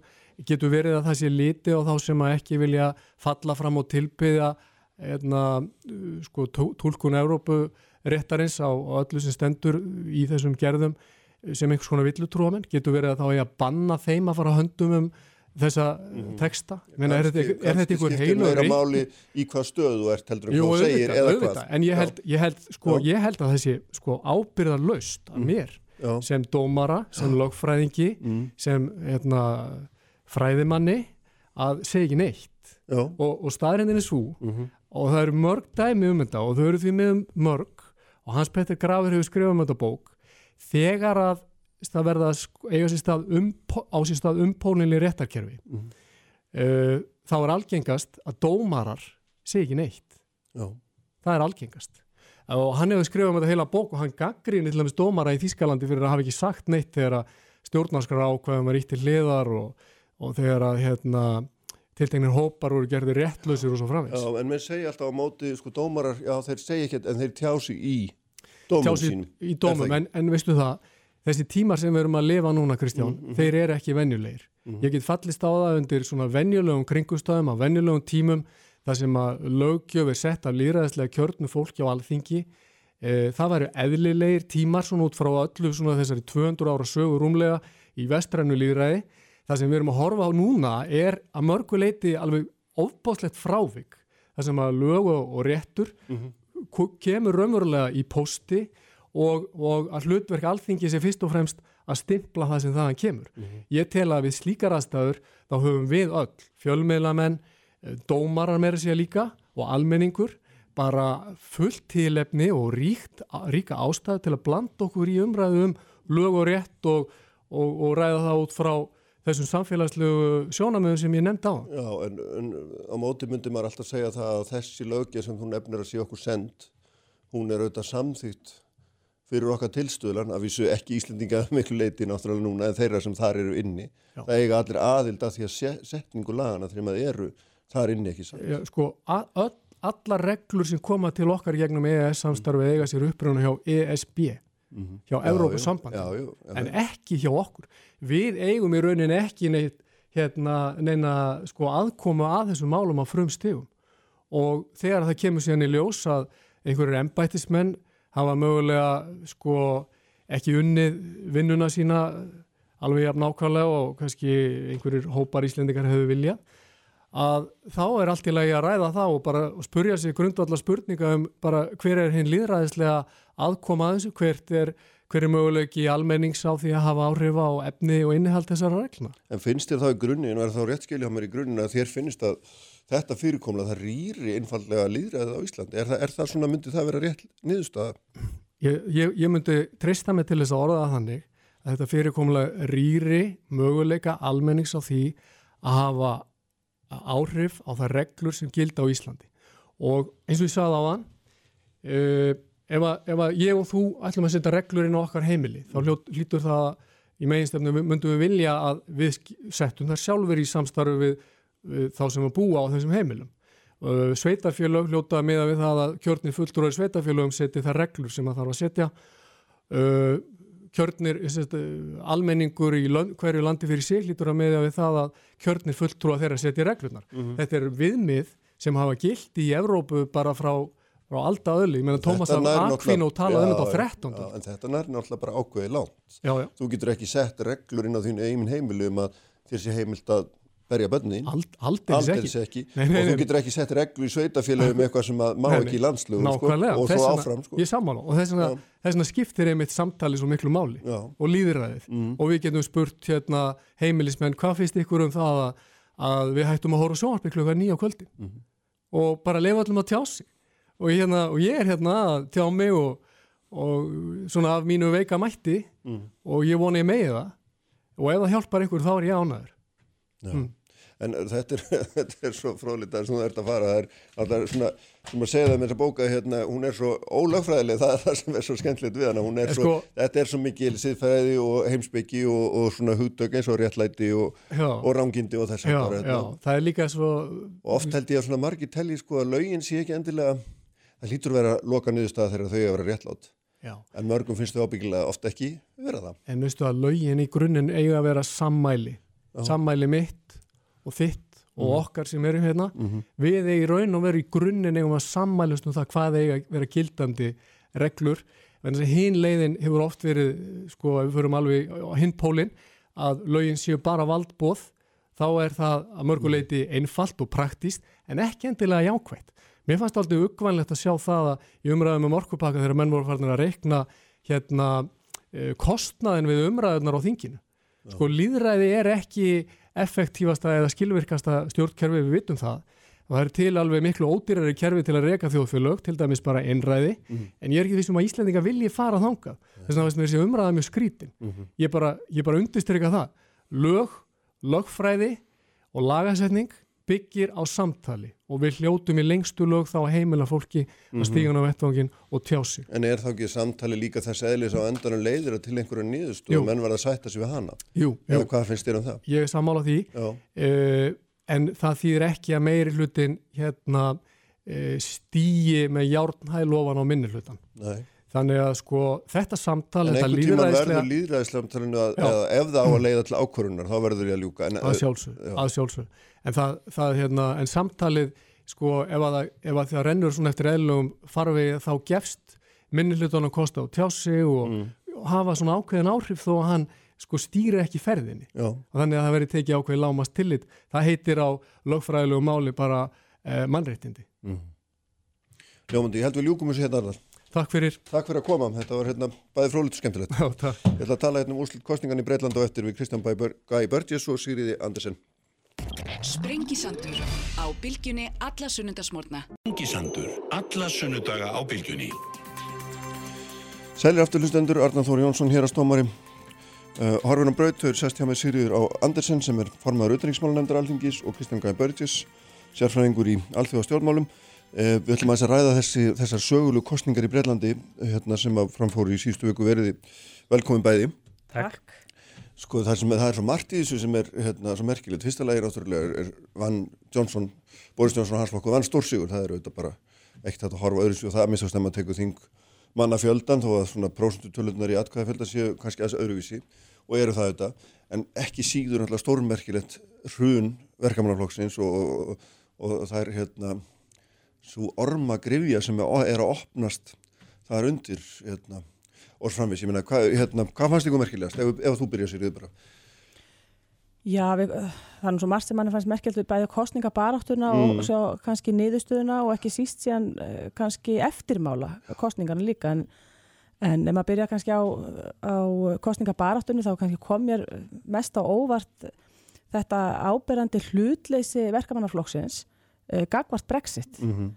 Eh, það var það öllum ljóst að þessar kostningar voru tilkomnar út af Brexit málinu, hvernig í því lág og uh, það var já, ég veit ekki hvort þetta átti að vera djarfur leikur hjá verkamannaflokknum að tefla að, dengja sér þessar kostningar án þess að tefla fram uh, nokkur einustu skoðun í þeim efnum þannig að mér fannst það nú merkilegt uh, mér fannst líka merkilegt og uh, sjálfsagt bara því að við erum hérna uh, á norður hér að veraldar upp á Íslandi mér fannst merkilegt hvernig uh, þessi uh, gýðinga andúð sem að uh, verkamannaflokkurinn hefur verið spyrtur við og hefur uh, menn að telja að grasseri þar innabors, hvernig hún kannski spilaði líka inn í þetta, hvernig verkamannaflokknum tókst ekki og, og ég er ekki einu sinni vissum að hann hafi reynd einhvern veginn að bregðast við þeim ásökunum sem að Mm. voru, var telt fram í þessari henni Svo fannst mér nú tímanbili líka áhugavert að uh, sjá hvernig þetta sem þeir kalla NHS sem er heilbríðiskerfið þeirra Já, í. Breitlandi, hvernig það uh, poppaði svona upp í umræðan á loka metrónum síndist mér og einhvern veginn hvernig átt að reyna að blanda bandaríkjónum og þegar Donald Trump var í heimsókn á, NATO-fundinum þá var hann, þá- fóru eittu fjölmjöla miklu púðri í það að, að spyrja Donald Trump hvort að hann væri hérna komin til Breitlandsins að taka yfir NHS, þetta var eitthvað neðin algjörlega fannst mér surrealísku umræða ég bara botnaði ekkert í þessu og ekki einu sinni og ekki Donald Trump, hvað þá heldur sem svaraði ágætla hann sagði, þótt ég myndi færa mér þá silfurfatti, þá hefði ég ekki áhuga á þessu heilbrískerfi ykkar en þetta fór mikil orka í þetta eh, á síðustu dögum kostningabarátunar Mm. mér fannst þetta furðulega kostningabaráta því leiti Já. en skilabóðin frá íhalsflokknum hins vegar að samaskapi ákaflega skýr menn að þeir bara hömruðu á þessu og þeir ætlaðu að klára þetta, þetta Brexit og svo reyndar líka fannst mér mínir menni og kalla, kalla þá svo íhalsflokkum kannski mér fannst þeir eh, tegja sér svolítið langt í útgjalda hérna, Já, þeir eru mjög, hérna, þeir eru alltaf eða mjög miklu. í útgjalda lofórðunum hérna, ég veit ekki hvernig þeir ætla að uppfylla það allt saman en vissulega uh, var, var það réttmætt að einhverju leiti það er auðvitað ákveðin hluti sem þarf að, þarf að efla þarna. Þeir hafa nefnt löggæsluna og einhverja tiltækt auðvitað í heilpriðiskerfinu og svo sé ég núna eftir kostningarnar að þá eru menn að tala uh, um það og, og, verka, nei, í þess flokkurinn benda á það að það sem þeir ætla að leggja sérstaklega áherslu á að bæta ofinbera þjónustu við einstaklinga og uh, ég las einmitt um það í, í dag í morgun að það til dæmis felur í sér breytingar á starfsmannalögunum Mm. þannig að það verði auðveldara að, að gera uh, hefur ofinbæra kerfi, þjónustu, skilvirkara ekkit endilega, þeir eru ekki að segja að við ætlum að fara að reka fólk og svona, heldur þarf það að vera hins vegar að þarf að endur skoða Mm. reglur um, Mm. um starfsmannamál Kristján, Já, það sem, að, uh, það sem er náttúrulega mjög áhugavert við þessar kostningar er að flokkurinn sem að einbætti sér að því að, að, að tala frekar skýrt og vita hvað hann ætlaði, honum gekk vel. mm. Uh, jável þó að hann væri uh, á, að þyrta að vinna sínar fjórðu kostningar uh, og það var íhalsflokkurinn hafa með skýrskilabóð, það var að klára brexit, það var að uh, fjárfesta í, í helbilískerfinu og, og, uh, og fjölga ofinbjörnum starfsmönnum.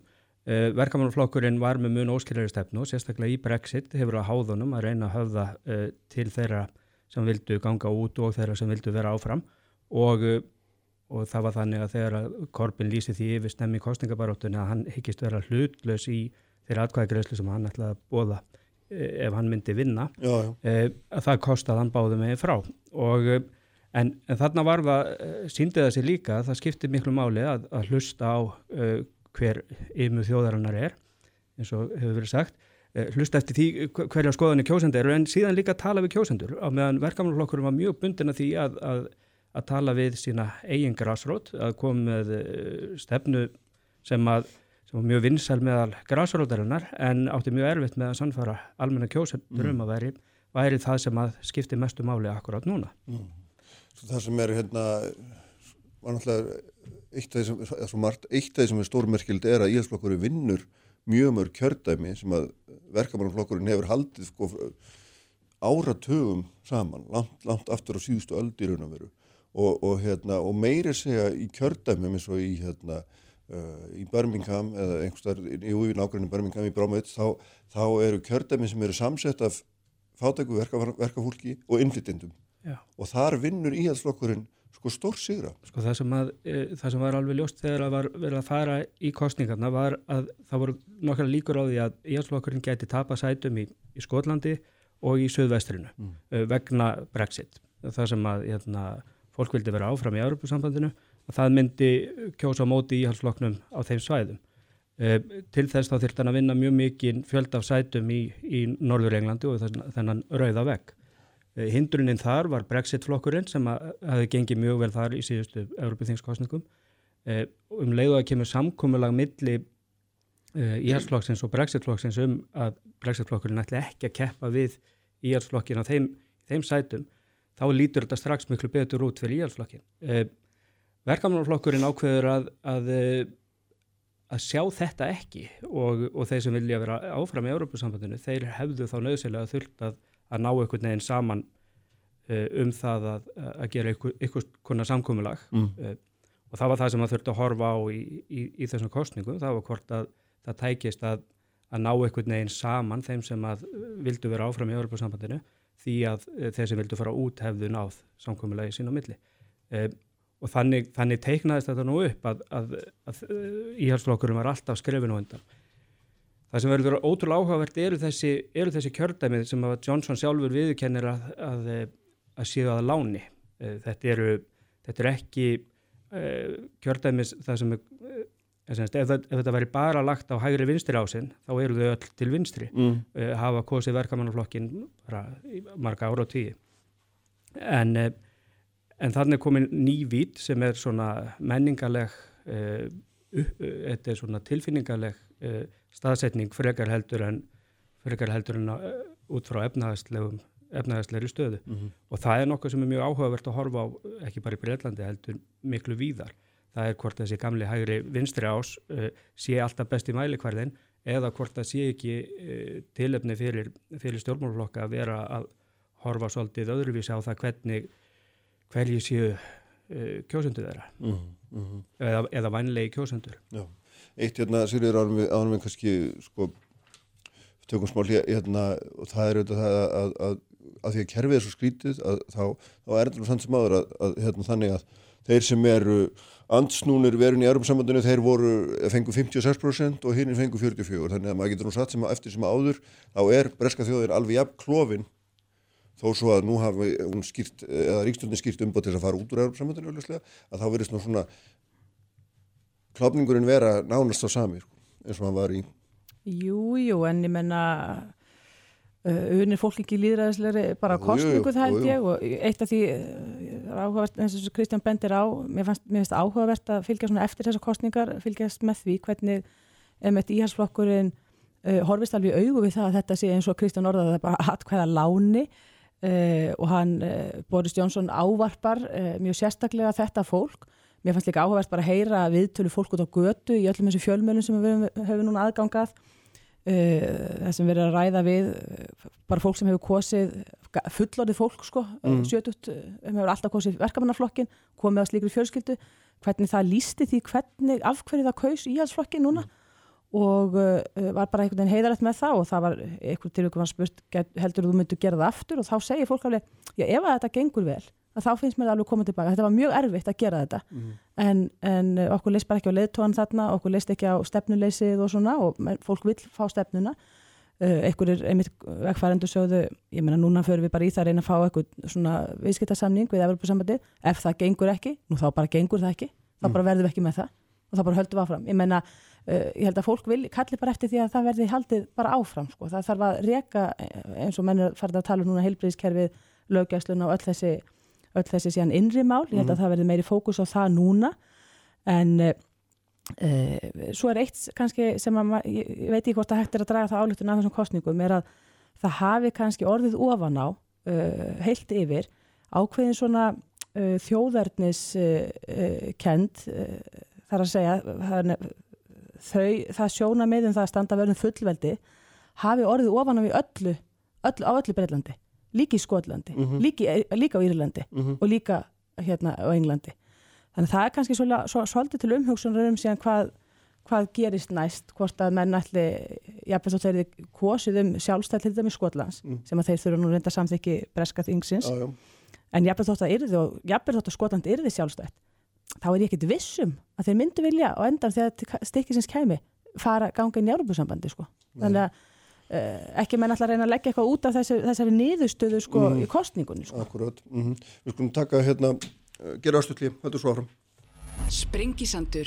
Alla sunnudaga á bylgjunni. Eftir þjóðmál og pólitík, sprengisandur á bylgjunni.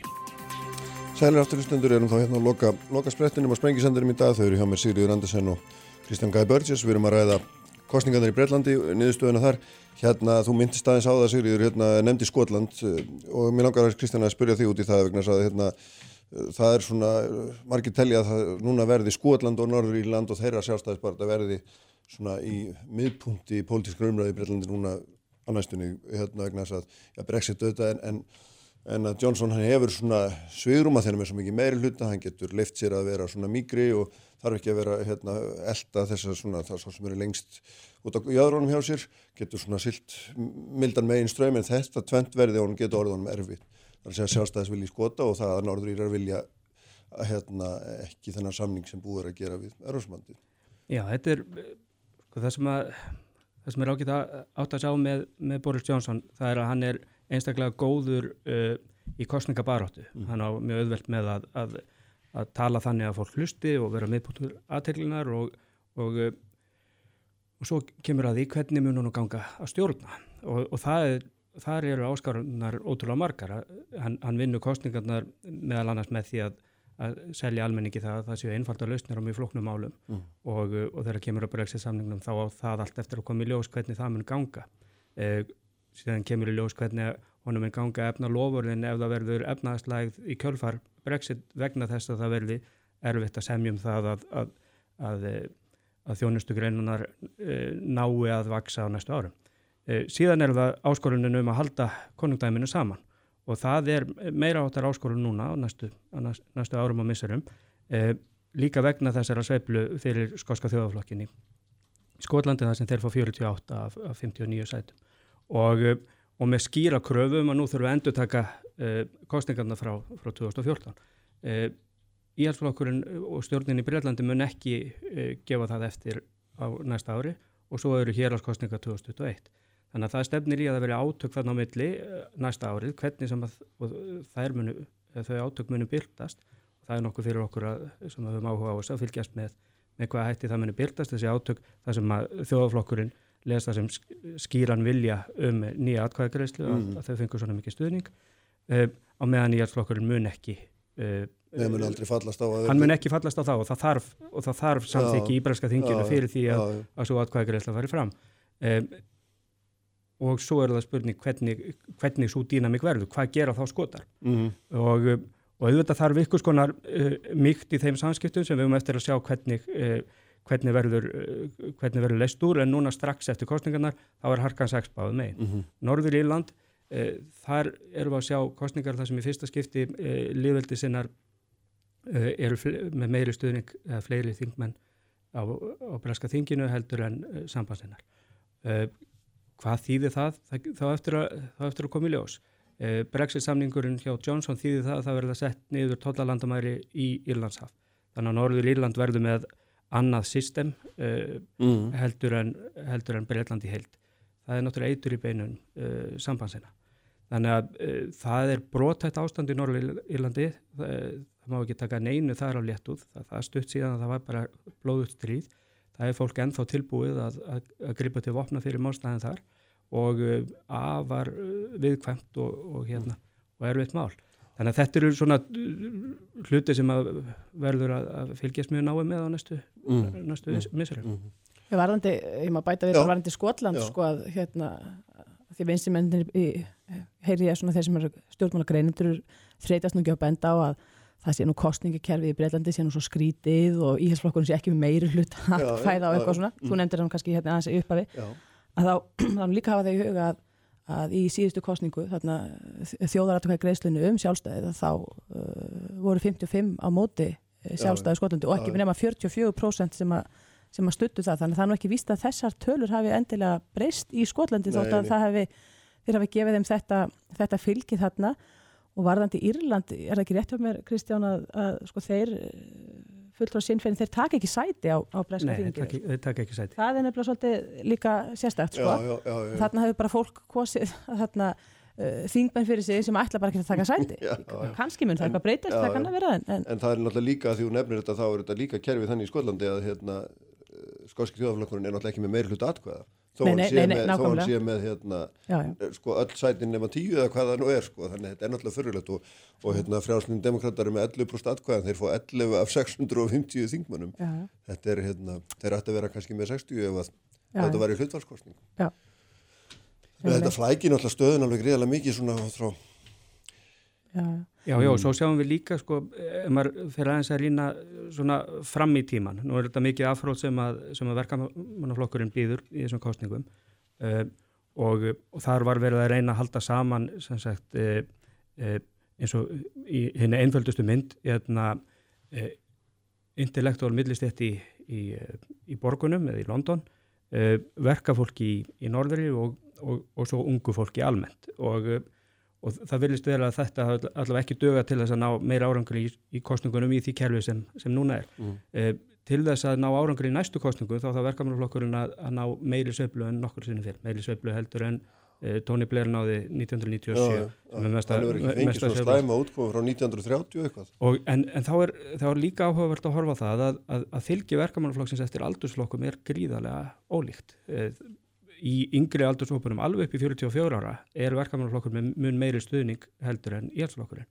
Þannig að e, takist þeim ykkur skonar enduníun sem að hafa þá til þessara hópa og, og, að, mm. og, að, og að fylgi eldri hópunum e, að, að það mingi þá eitthvað eða sem að það kjósi færri eftir sem að þjóðin, eld, eð, þjóðin eldist að það sé kannski ykkur von en þá þarf íhalsflokkurinn að finna ykkur að leið til þess að hafa til e, þessara verkamannflokkurinn að finna einhverja leið til þess að hafa það með, með einhverjum hættu þá þarf hann að tala miklu skýrar.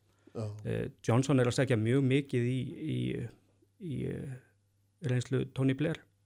Fyrsta sem hann gerði eftir hann vann kostningan það var að fara í gamla kjölda með Tony Blair sem hann vann í þetta skipti. Já, nutta salt í sárin. Það er nú gaman að fylgjast með því að verkamannflokkurinn ætla hann að fara í í mikla naflaskoðun eins og heitir og, og ræða þessi málöllu saman og, og þeirri umræðu ætlar að stýra sjálfur Jeremy Corbyn. Það er auðvitað með miklu mólíkindum verði að segja uh, hluti af þessum eftirmála sko þessar kostninga sem að mér finnst nú ekki, ekki minna áhugavert heldur en kostningabartun mm. eða kostningarna sjálfar það er hvernig eh, svona flokkur sem geldur svona hérna rosalegt afhróð sko, hvernig hann ætlar að vinna úr þessu mm. sem mér finnst eh, þá, við hefum eftir að sjá það hvort þetta gerist að hann verði þarna áfram en En hann ætlar ekki semst að bjóða sér fram eftir fimm ár.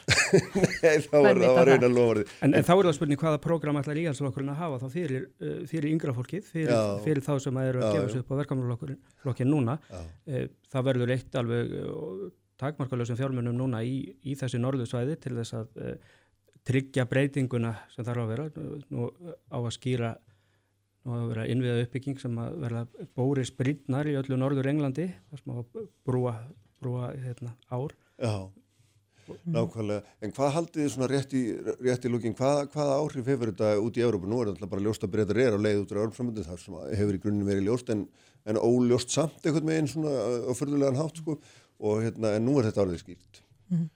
og, Ég var nú um daginn bara þar síðustu viku á fundi með formönum Evrópunemnda á öðrum Evrópuríkjum.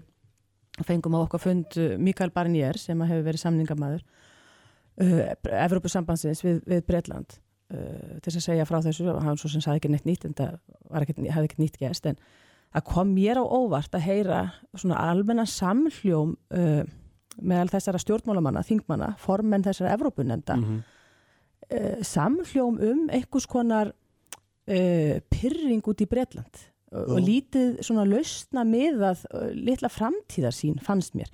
Mér fannst miklu meira eh, hérna, ríkjandi þetta við við hérna, þakkar kæri Mikael Bænir þú staðið rosalega vel í að standa á okkar hérna, réttindum og við ætlum ekki að gefa eftir mm sko, uh, Evrópusambandið og eitthvað svona. Uh, það virtist enginn vera búin að horfa, horfast í augu við þessa mögulegu niðurstöðu til dæmis. uh, þannig ég held að það sé svolítið verk að vinna í Evrópusambands löndunum öllum og hjá Evrópusambandinu að uh, horfast í auðvið þessa niðurstöðu. Mm -hmm. og ég myndi nú segja að menn ætti að fyrst að byrja því að ég ætla að fara að gefa þeim einhver sérstúk ráð að menn hljóta þurfa að spyrja veitu hver eru hagsmunni minna borgara? Eru það ekki þeirra að, að hér gangi viðskipti og samskipti við þetta stóra ríki í Evrópu eins áfallalust og snöðrurust og hægt er mm -hmm. þannig að mér finnst þetta sjónum svolítið vanta held ég hjá Evrópusambandinu og þeir held ég hafi mikið verka að vinna á næstu mhm. dögum Verður þetta kannski þannig eftir þessa gríðalugu upplausn og þennan opbóslega óróa sem hefur verið að hérna svona ást góði samningar við Európa-samöndu og þá verður þetta nokkur ári eins og, eins og ekkert hafi í, í, í skorist. Það, náttúrulega það væri ákjásanlegt að, að, að það gerðist en auðvitað er verkefni framöndan að sem sagt núna 31. janúar ganga breytar formlega út úr Európa-sambandinu og, og það verður samþygt í þingin núna bara kringum jólinn. En En svo er það samningurinn um framtíðar fyrirkomulagi. Fyrst verður einhvers konar rammi sem verður samþektur þá líklega á næsta ári. Eh, hvernig sá samningum mun líti út verður bara að koma í ljós. Eh, það er ennþá verið að selja breytum það að, að það sé hægt bæði að geta kökuna og, og eiga náfram og, og það mun koma í ljós að það verður ekkit nákvæmlega þannig. En, en auðvitað er það þannig að það er, er hagsmunni bæði eh, Európa-sambansins og breyta að það takist að semja velum, að það verði nökralaus viðskipti. Það sem verður mjög erfitt fyrir breyta er það að, að þjónustugreinar sem, sem að er svo stór hluti af, af þeirra efnagslífi að þær þurfa að ná mjög góðum samningi við, við Európa-sambandið og það, veru, það er bara ekki ljóst hvernig það mun takast. E, umræðin hefur snúið svo mikið um sko vöruviðskipti mm. sem, að, e, sem að er kannski eitthvað aðeins, aðeins hefbundnara en en það eru þjónustugreinina sem að, sem að eh, breyta þurfa að, að byggja átt í framtíðar og, og hvernig mun þeim takast að semjum það við Európa-sambandið. Það er enga með ljóst að það takist eins vel og það, þeir vona. Nei. Það verður hérna, þetta verður því fróðilegasta mál allt saman og það sem að hérna er náttúrulega merkilegast að öllu er að þegar Boris Jónsson tók við íðasloknum þá stóði fyrir, fyrir dyrum kostningar til Európa-þingsins að hann 10% fylgi. Og, þarna, og síðan hefur eiginlega ekkert gerst hjá honum nema allt hefur farið úrskiðis meirið að minna mm -hmm. og, hérna, og, og hámarkið náðu það þegar hann lauruglega var að senda heimilars að því að hann að gengi í skrokka konu sinni en það hefur sínst sannast á honum bara að, að hérna, illt umtali betri en ekkert og allt hefur orðið honum að gulli Já, það er kannski sann að það líka að það er eh, kannski ekki vandræðin sem menn lenda í heldur hvernig menn spila úr þeim Já það er kannski það sem að Það var eiginlega sama, bera líka- hvað, sama hvaða spurningan fekk, eh, þá sagði hann alltaf, já það, það má vera, en við ætlum að klára Brexit, við ætlum að fjölga hjókum, við ætlum að fjölga löggum Já. og við ætlum að fjölga heilbyrðiskerfinu. Já, en, eh, en hvað með það að lögreglun hafi verið kallað þínu heimili? Já, allt um það, en við ætlum að klára Brexit, fjölga hjókum, fjölga löggum og alltaf on message. Já, nákvæmlega. Heyrðum, takk fyrir að koma bæði tvö, hérna ánægilegt. Uh, verðum að láta sprengisendir loki í dag, verði hérna með ykkur aftur eftir viku, verið sæl.